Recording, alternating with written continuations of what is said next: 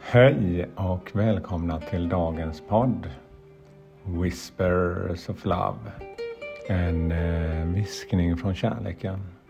Det är lite budskap för dagen. Mitt namn är Peter Edborg och eh, det är ett nytt år här.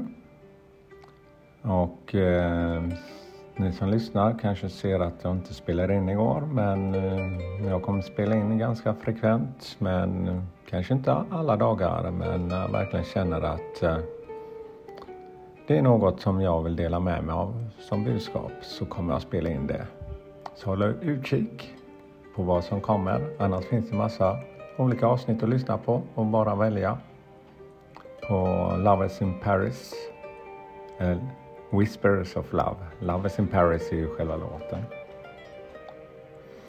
Ja, jag har tagit ett kort här idag som jag ville dela med mig av. Men innan det tänkte jag att, eh, ja, som jag brukar göra, jag har ju tänt ett ljus här för att påminna mig om det här med den här lugna stunden som vi kan ge oss själva och reflektera över vad vi kan göra för att växa i ljus och kärlek och ett lugn. Så lyssna till musiken en kort stund och andas, andas ut ett par gånger och så får du känna efter hur det påverkar dig.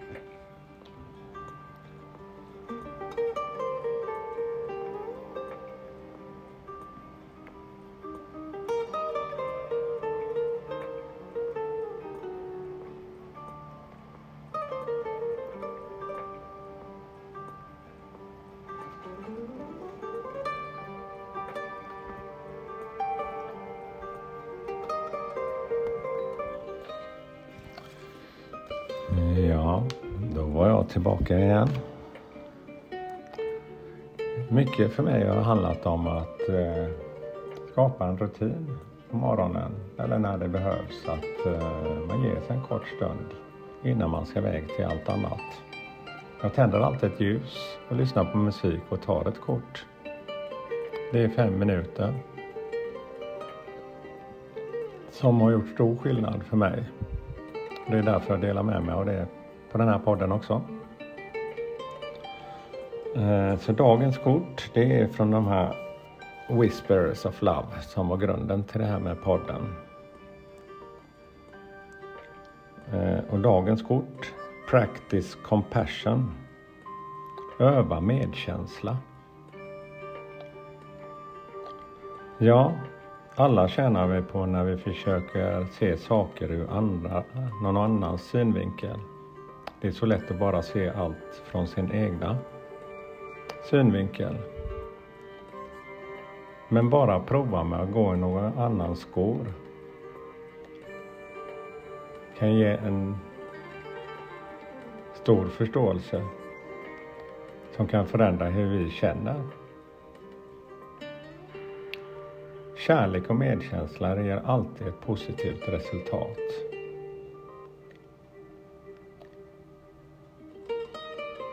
Ja, kärlek är ett starkt ord.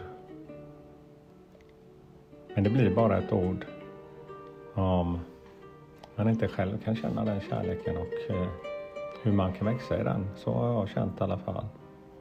Jag älskar dig. Att säga det kan kännas både obekvämt och lite skrämmande. Men det, när man känner hur kärleken finns där så blir det så naturligt att säga det eller ge någon ett hjärta för man tycker om dem. Ja, det finns många värdiga sätt att utöva just medkänsla. Så värdera din tid. Besök kanske ett vårdhem eller ett skydd för hemlösa. Donera lite kläder eller mat kommer alltid uppskattas av de behövande. Om du känner dig sugen på eller letar efter inspiration så finns det många individer som både finns i livet här och som har varit inspiratörer. Precis som Moder Teresa, Mahatma Gandhi, Tenzin Givatus och Tibet den 14 Dalai Lama.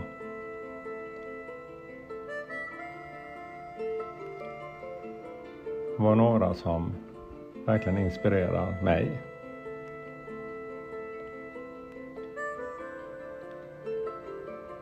Hur de vigde sina liv för att dela med sig av just det här med medkänsla och kärlek.